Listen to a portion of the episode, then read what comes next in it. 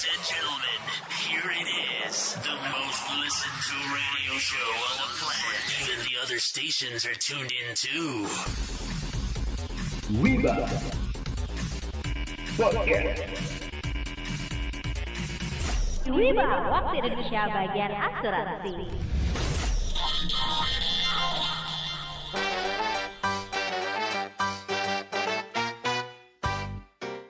Hai hai hai. Hola Wibers. Hola. Hai hai. Hai hai hui. Ketemu lagi di Wiba, Waktu Indonesia bagian asuransi. Ngobrolin asuransi secara ringan tapi berbobot. Dan kali ini kita udah ada di podcast Wiba bukan Gibah di episode ke 15. 15. 15. 15 loh udah loh. Kalau bahasa Jawanya 15 apa ya Tias ya? Gangsal welas. Gangsal welas. Wah, Bahasa Aku nggak bisa. Aku nggak bisa. asri welas. Asri banget. bukan, bukan. Oke deh Wibers, Wiba Podcast hadir menemani Anda semua setiap Sabtu sore jam 17.30 waktu Indonesia bagian Barat. Dan kamu bisa dengerin podcast Wiba melalui platform Spotify, Anchor, dan juga Apple Podcast.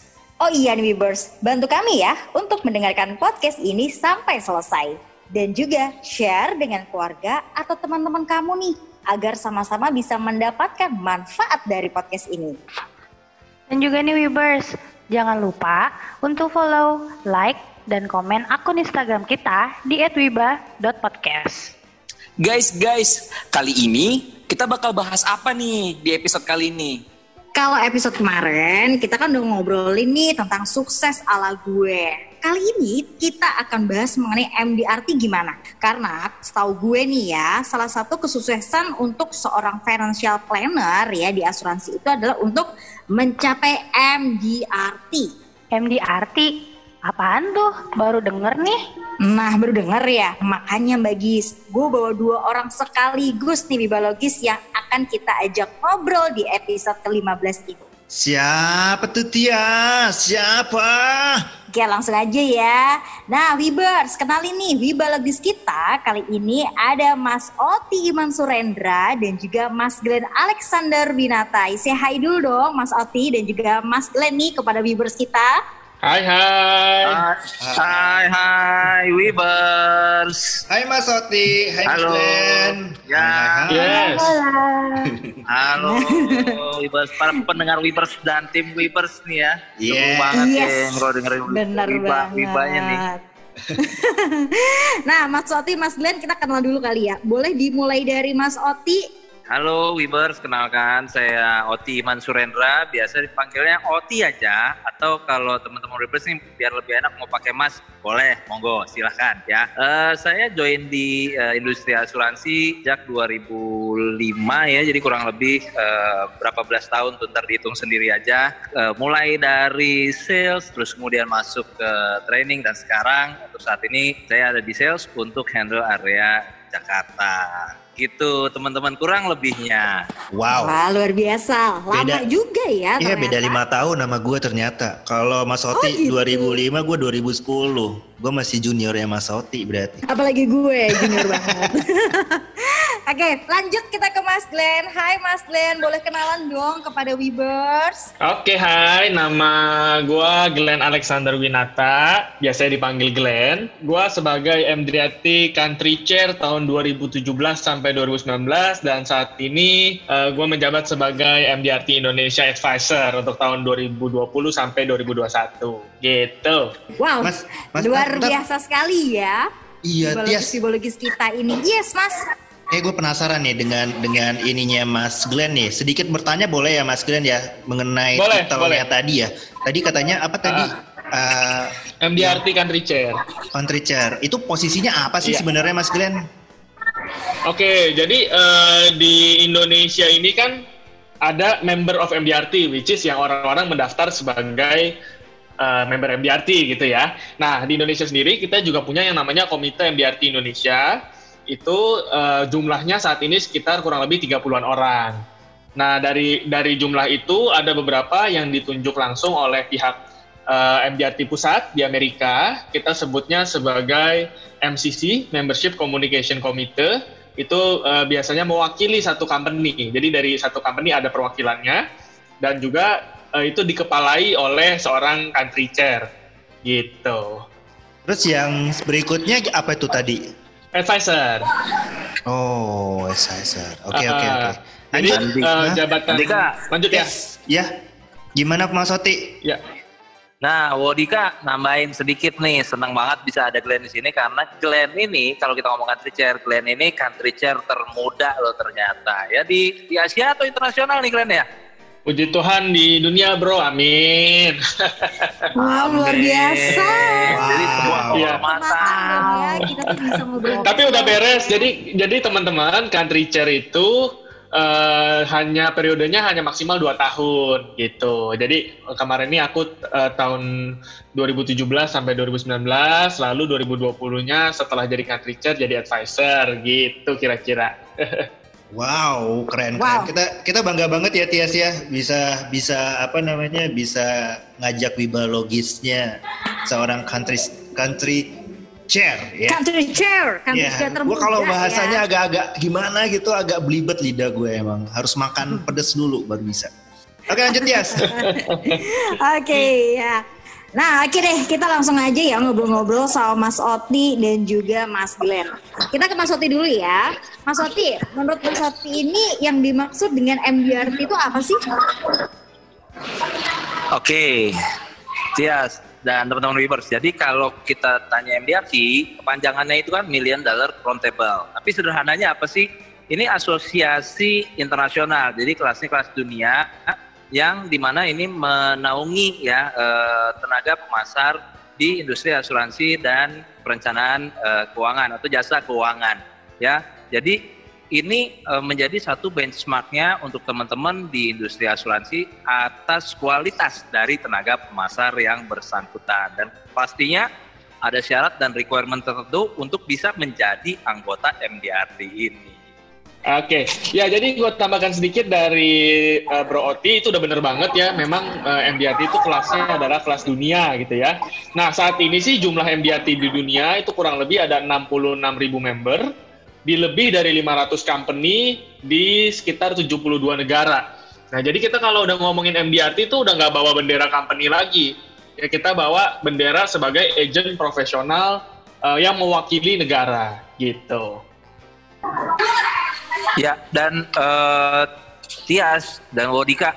Jadi yang namanya Yes. member MDR itu masuk kategorinya elit karena dia hanya sekian persen dari total eh, tenaga pemasar yang ada di industri asuransi jiwa. Eh, berapa persen ya Glenn untuk lebih tepatnya Glenn? Kurang kurang lebih sekitar 2% ya bro ya.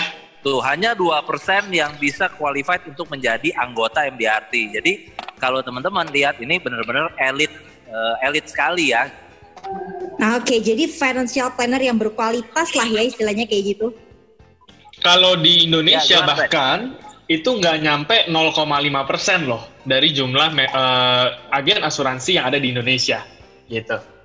Oh, oke oke oke. Jadi nggak banyak ya. Jadi emang orang-orang yang atau financial planner yang terpilih dan juga berkualitas lah ya istilahnya. Iya betul banget. Mas Oti, gue mau nanya nih. Tadi dikatakan bahwasanya MDRT itu semacam komunitas atau organisasi untuk tenaga pemasar asuransi atau jasa keuangan yang prestis banget kan ya. Nah, untuk menjadi anggota MDRT itu gimana sih caranya, Mas? Oke, ya. Jadi karena eh, MDRT ini adalah asosiasi internasional untuk tenaga pemasar asuransi jiwa dan jasa keuangan, pastinya untuk bisa jadi member MDRT ini, ya kita harus terdaftar dulu sebagai eh, kalau di kita istilahnya agen asuransi ya di salah satu perusahaan asuransi. Itu yang pertama. Nah, setelah kita terdaftar, kita juga harus memiliki pencapaian sesuai dengan eh, syarat yang ditentukan oleh MDRT. Ya, jadi eh, nanti boleh ditambahin sama Glenn berapa sih syaratnya gitu dan apa aja yang harus dipenuhi oleh seorang tenaga pemasar ini untuk dia bisa memenuhi kriteria yang dibutuhkan. Nah, kemudian kalau sudah memenuhi syarat itu, tahapan yang terakhir nanti eh, kita mendaftar untuk menjadi member MDR tersebut. Jadi tiga eh, poin ini kurang lebih yang diperlukan untuk bisa bergabung menjadi anggota MDRT.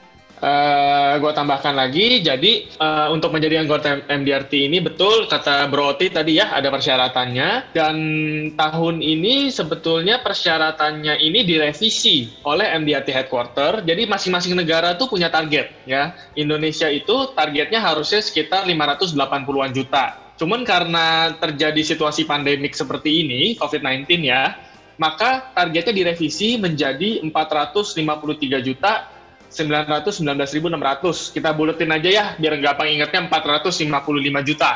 Nah, kalau kita sudah berhasil mencapai angka 455 juta, collected ya, teman-teman ya. Jadi bukan premi yang disetahunkan, tapi premi yang terkolek. Collected, kita bisa mendaftarkan ke website MDRT. Di sana kita akan dikenakan biaya keanggotaan sebesar 550 dolar.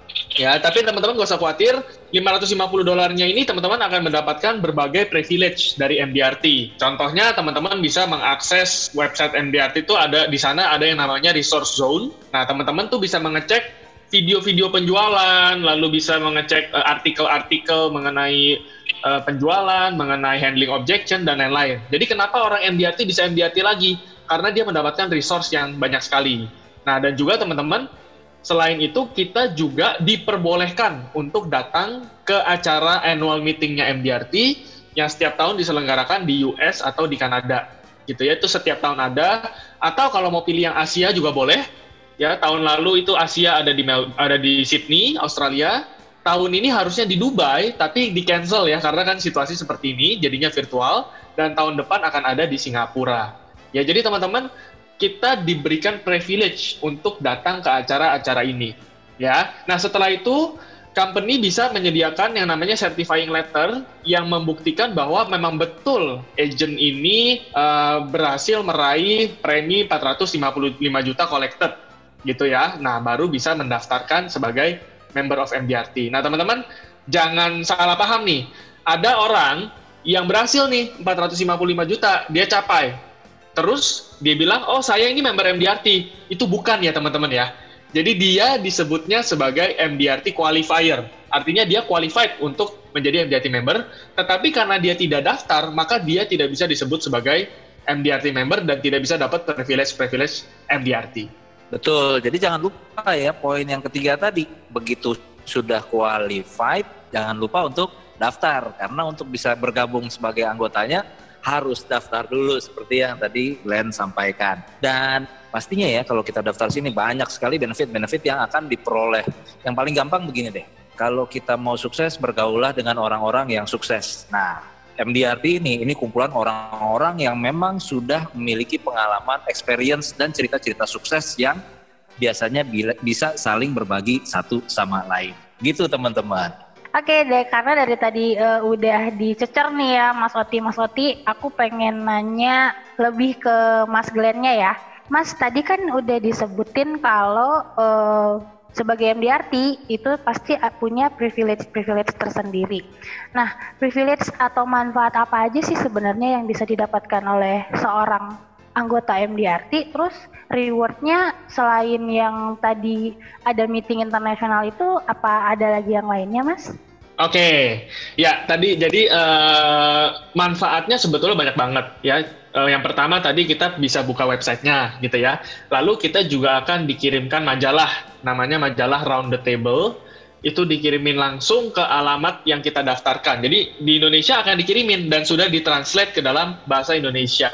Ya dan juga kita sekarang punya aplikasi MDRT gitu ya untuk bisa men-tracking tuh. Jadi kita bisa cari kira-kira nih ide-ide apa kan kadang-kadang yang namanya seorang agent asuransi kan pasti ada challenge-nya ya di lapangan ya. Nah, kita bisa cari di situ bagaimana uh, kita bisa sukses, kita bisa uh, handling objection, sell stock, semuanya ada di situ. Kita bisa cari. Nah, dan sebetulnya yang gue rasakan yang paling berasa banget itu uh, kita bisa connect dengan agent-agent asuransi yang udah sukses baik dari perusahaan lain di Indonesia maupun dari seluruh dunia gitu. Itu yang benar-benar priceless. Kenapa? Karena karena gue achieve MDRT dan gue datang ke event internasional, gue jadi dapat kenalan-kenalan MDRT yang mereka tuh punya tipsnya masing-masing. Nah itulah yang priceless. Jadi kita bisa belajar sama orang-orang sukses juga di luar sana dan ilmunya kita bawa lagi ke Indonesia gitu. Jadi kira-kira uh, benefitnya yang sangat berasa hal-hal seperti itu sih teman-teman. Hmm, jadi eh, ibaratnya kayak pertama kalau jadi MDRT itu udah kayak go internasional ya karena kita sama temen-temen seprofesi dari seluruh dunia. Bener ya Mas ya? Betul, betul banget, betul banget. Dan kita juga seru loh kalau kita ke luar negeri itu ya, kita bisa janjian nih, walaupun beda perusahaan ya dari Indonesia ya, kita bisa janjian, eh eh, kita ini yuk eh, flightnya bareng, nanti nginepnya bareng. Tahun lalu, eh, ta- sorry tahun 2000, tahun lalu kan di nah, di Sydney ya, tahun sebelumnya di Los Angeles, gue inget banget tuh, sekamar sama empat orang, semuanya beda-beda perusahaan. Ya kan image kita kan kalau misalkan agen asuransi tuh, ih kita mah saingan ya, dia kan beda perusahaan sama kita tuh, gitu kan. Tapi kan dengan MDRT itu benar-benar kita tuh nggak ada saingan. Kita usaha kita adalah untuk membuat Indonesia itu semua orang Indonesia mendapatkan polis asuransi yang tepat, bukan yang asal. Nah, jadi kita benar-benar sekamar berempat, beda-beda semua, temenan, cerita, sharing, wah seru banget gitu. Iya, jadi kayak sebagai perwakilan Indonesia keren banget ya rasanya merinding nih dengernya.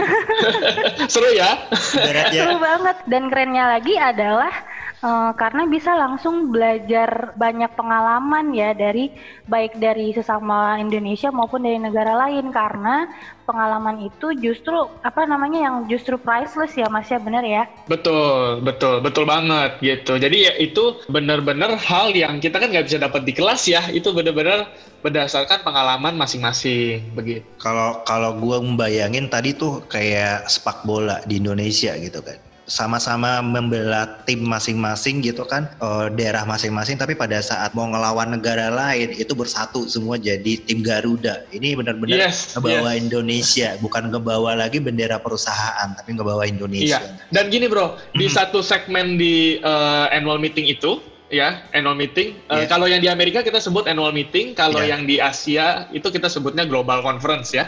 Mhm. Itu ada satu acara namanya flag ceremony. Wow. Nah, itu benar-benar kayak negara-negara dipanggil satu persatu kan tadi ada 72 negara ya. Itu Iya. dipanggil tuh satu-satu satu-satu. Wah, pas Indonesia biasanya kita pakai baju daerah dari Indonesia. Wow. Ada yang pakai batik, ada yang pakai Wah, kebaya. seru. Wah, seru banget. Batik, Seru batik, banget, seru keren, banget. Keren banget. Oh ya. kayak kayak Olimpiade gitu ya, ada kayak seremoni kayak Yes. Olimpiade gitu ya? Iya, benar. Nah, itu itu merinding banget itu. Kita benar-benar satu Indonesia mau nggak peduli ya mau perusahaannya warna ungu, warna biru, warna merah, warna hijau ya. Nggak ada peduli. Pokoknya semuanya MDRT dari Indonesia gitu. gue aja udah- yang ngebayangin aja udah ngerin merinding gitu. Apalagi kalau ada di situ gitu kan, wow. Euforianya banget itu loh ya, keren Iya. gitu kan. Bener, bener. Nah, Mas Glenn, gue mau nanya nih, kalau ngomongin Ya. MDRT itu levelnya apa aja sih di dalam keanggotaannya itu? Oke. Nah, jadi di MDRT itu betul ada beberapa level gitu ya. Dan MDRT itu sistemnya seperti ini. Contoh tahun ini gue MDRT.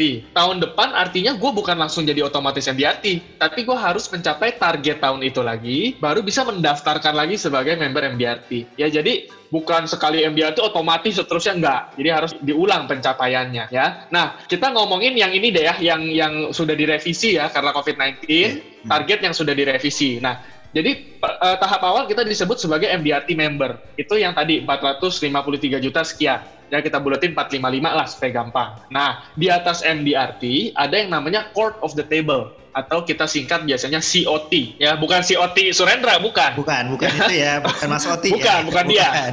bukan. Ya, COT. Nah, COT ini adalah tiga kali lipat pencapaian MDRT dalam satu tahun. Bukan tiga kali MDRT ya, tapi tiga kali lipat pencapaian MDRT dalam satu tahun. Oke, Artinya dia preminya sekitar 1,36 M kurang lebih Berarti dalam bisa- satu tahun. berarti bisa dikatakan yang tadi 455 itu tiga kali lipatnya Kali ya? tiga. Kali tiga yes, ya? betul Oke. kali tiga. Ah, Hmm. ah. Nah, di atasnya lagi ada yang namanya top of the table, TOT. Bukan Mas Nah, Oti kalau lagi ya? TOT bukan beda. Dia memang terkenal dari lahir tuh. ya, TOT. Nah, TOT ini dia enam kali lipat pencapaian MDRT dalam satu tahun. Jadi kurang lebih sekitar 2,7 M preminya dalam satu tahun. Satu Gitu. tahun. Jadi kalau untuk mau ngejar MDRT di tahun ini harus ngejar 455. Terus Yes, kalau betul. umpamanya ah nggak mau deh kayaknya nggak nggak enak nih kalau MDRT gue mau naik lagi nih jadinya COT gitu. Ya, Oh iya, kalau gitu Bisa. tiga kali lipat dari eh, dari MDRT tadi, ya dari Betul, premi betul. jumlah premi untuk eh, menjadi member MDRT itu ya. Iya, betul, Hmm, betul. Gitu. begitu juga Kalau kalau mau TOT tinggal kali 6. Kali 6. Oke, oke, oke. Mm-mm. Wow, Gitu. jadi gitu levelnya ada tiga dan cara cara eh, mencapainya juga ada gitu ya. Jadi premi Ada. yang dikumpulkan Betul. sama satu tahun ini. Oke. Iya. Eh, Mas Oti, apakah menjadi anggota MDRT menjadikan seorang agen asuransi lebih berkualitas? Ya, kalau kita ngomong kualitas, ini akan kembali ke masing-masing agent dan tenaga pemasarnya pastinya.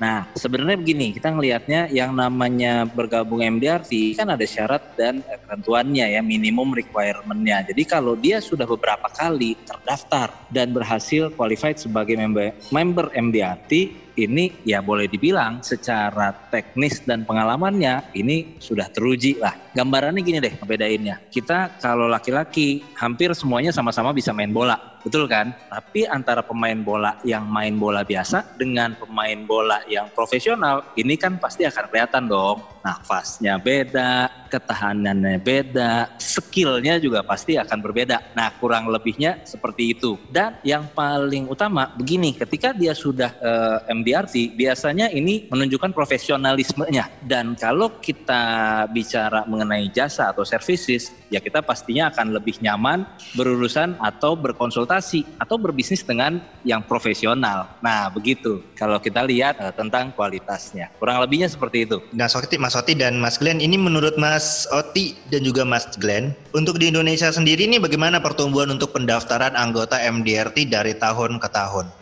Apakah ada perkembangan menjadi lebih baik, lebih bagus lagi atau gimana nih? Saya dulu ya, nanti Glenn boleh tambahin. Semakin ke sini tuh kesadaran tentang profesionalisme ini ini semakin terbuka ya. Jadi orang semakin melek bahwa yang namanya uh, pelayanan jasa ini kita benar-benar harus serius. Jadi nggak bisa main-main lagi. Kalau dulu bayangannya, oh kita di asuransi part time part time itu dulu. Nah kalau sekarang orang udah mulai benar-benar menuju ke full time agent dan profesional uh, agent. Nah bagaimana salah satunya adalah dengan uh, MDR menjadi anggota MDRT ini. Nah makanya uh, kalau kita lihat dari situ pertumbuhannya mulai dari perusahaan asuransi juga sudah mulai mendorong agent-agentnya untuk bisa memenuhi kualifikasi dan kemudian mendaftar. Jadi kalau dilihat dari pertumbuhan pendaftaran ini harusnya semakin banyak ya yang yang eh, mendaftar. Gitu. Nanti eh, detailnya Glenn akan lebih lebih eh, paham nih ya karena dari dalam organisasi. Gimana Glenn?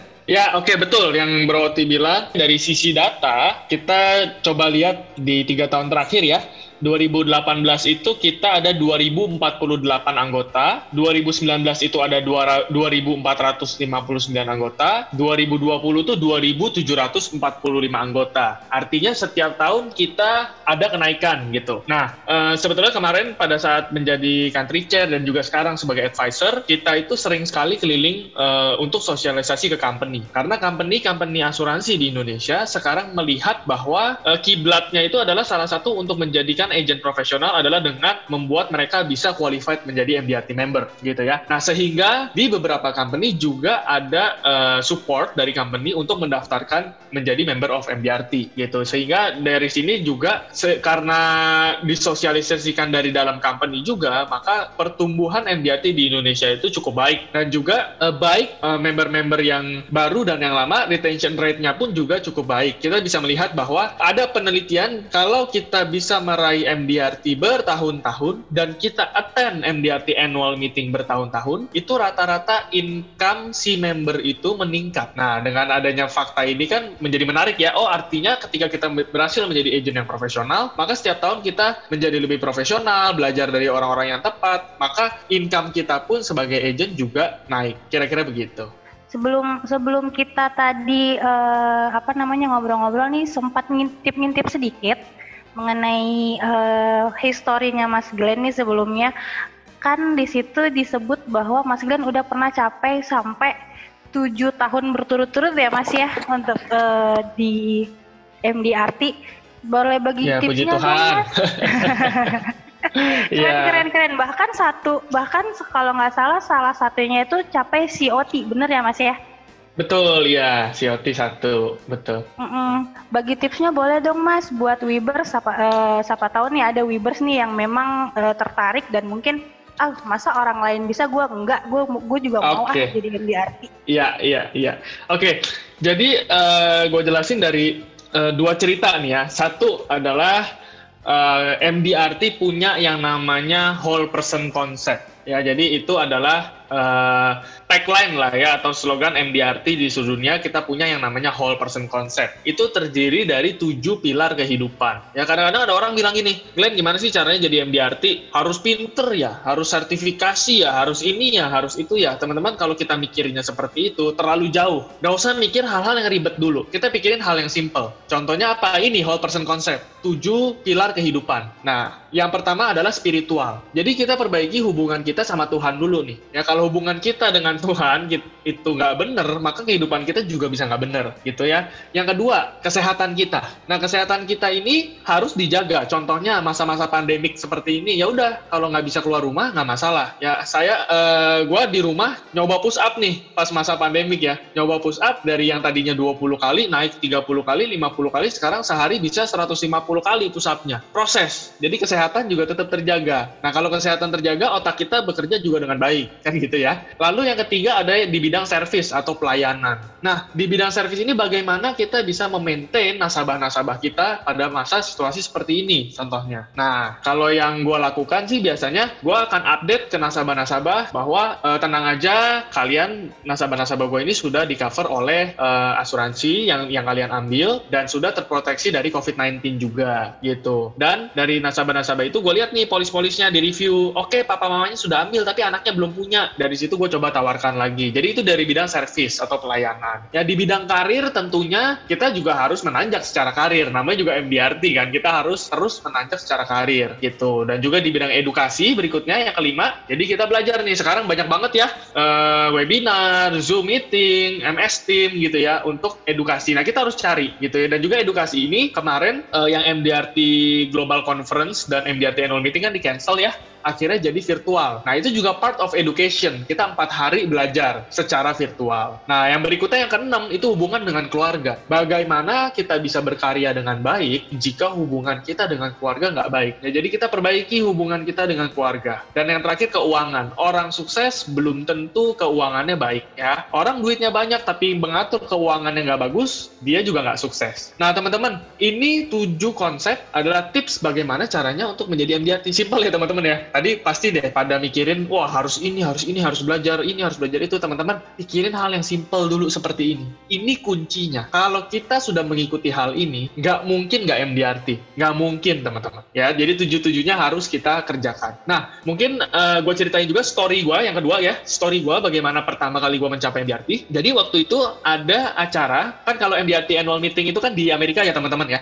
Dan yang datang itu harus member of MDRT ya baru bisa datang ke sana. Gua datang di MDRT Day Indonesia waktu itu. Nah, MDRT Day Indonesia tahun 2013. Jadi MDRT Day itu adalah acara yang diselenggarakan oleh MDRT Indonesia, Komite MDRT Indonesia dan bisa dihadiri oleh member maupun non-member. Nah, berita bagus ya. Jadi non-member pun bisa hadir. Jadi gue datang tahun 2013 dan ternyata teman-teman yang jadi speaker waktu itu ada yang sudah 20 kali MDRT, ada yang sudah 30 tahun MDRT. Dan mereka tuh bener-bener ngebagiin tuh, ngebagiin banget bagaimana caranya tips untuk menjadi seorang yang sukses. Nah, dari situ pulang, gue langsung kebakaran jenggot, achieve langsung MDRT di tahun pertama, mati-matian. Dan itu terus-menerus, akhirnya tahun kedua, tahun ketiga, setiap tahun gue nggak pernah absen untuk ikut di acara MDRT Day, walaupun saat ini sudah tujuh tahun. Nah, berita baiknya gini teman-teman, tahun 2019 dan tahun 2000 eh, 2018 dan 2019 kemarin MDRT Day kita adalah MDRT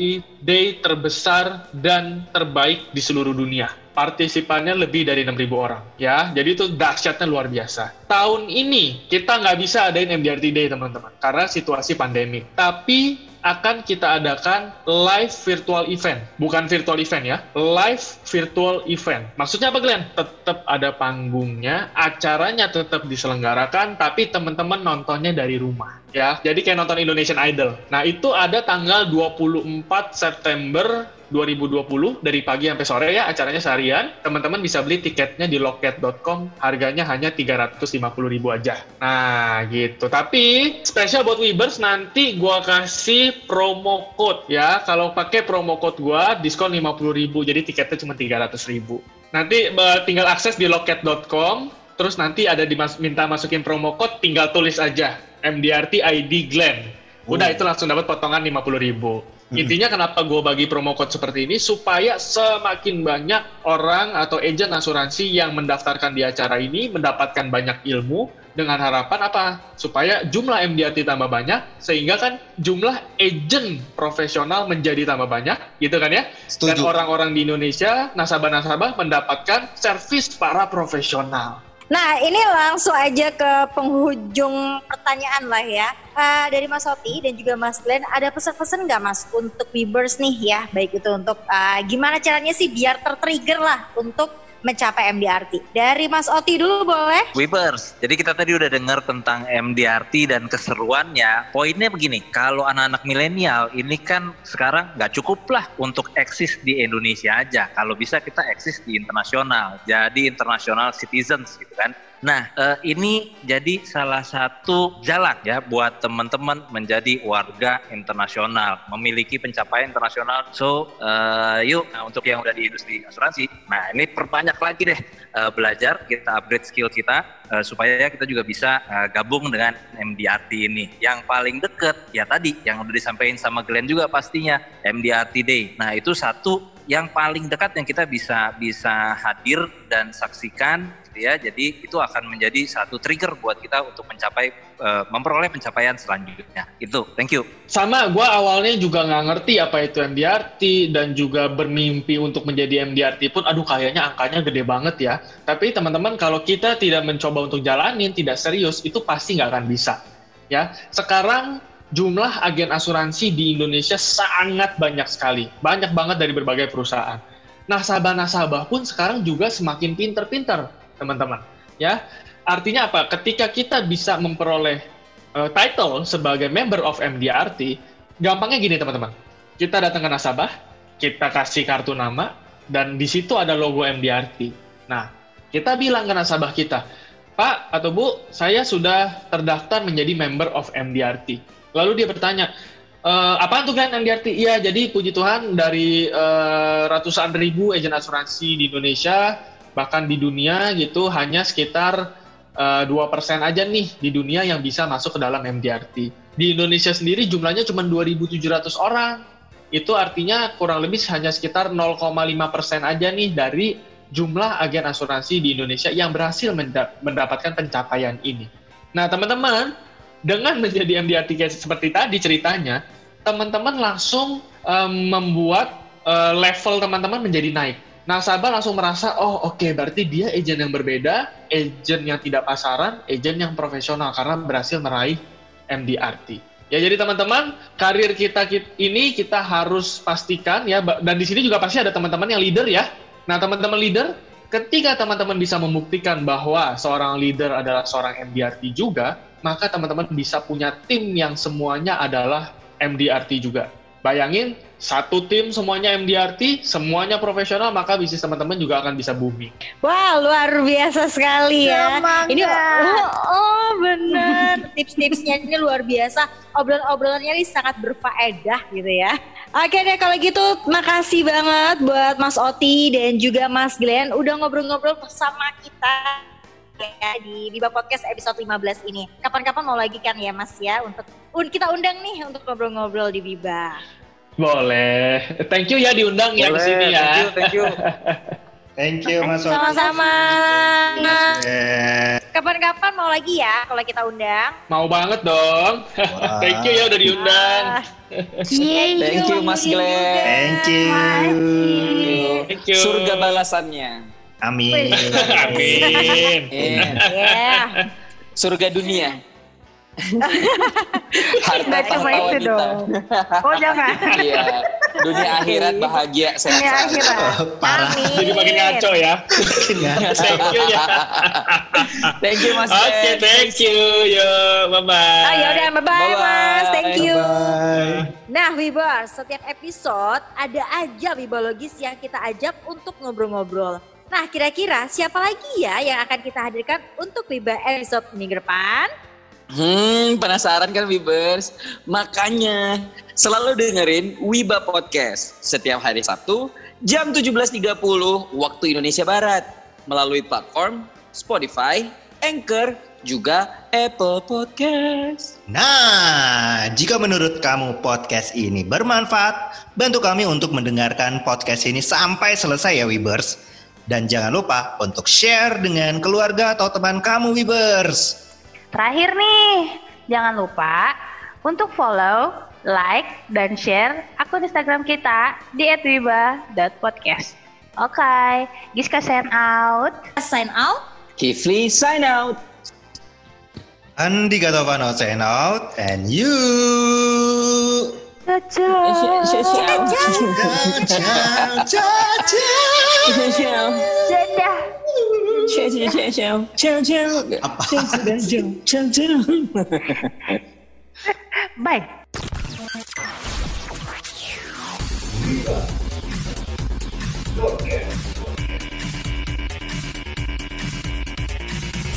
Thank you for listening to our podcast.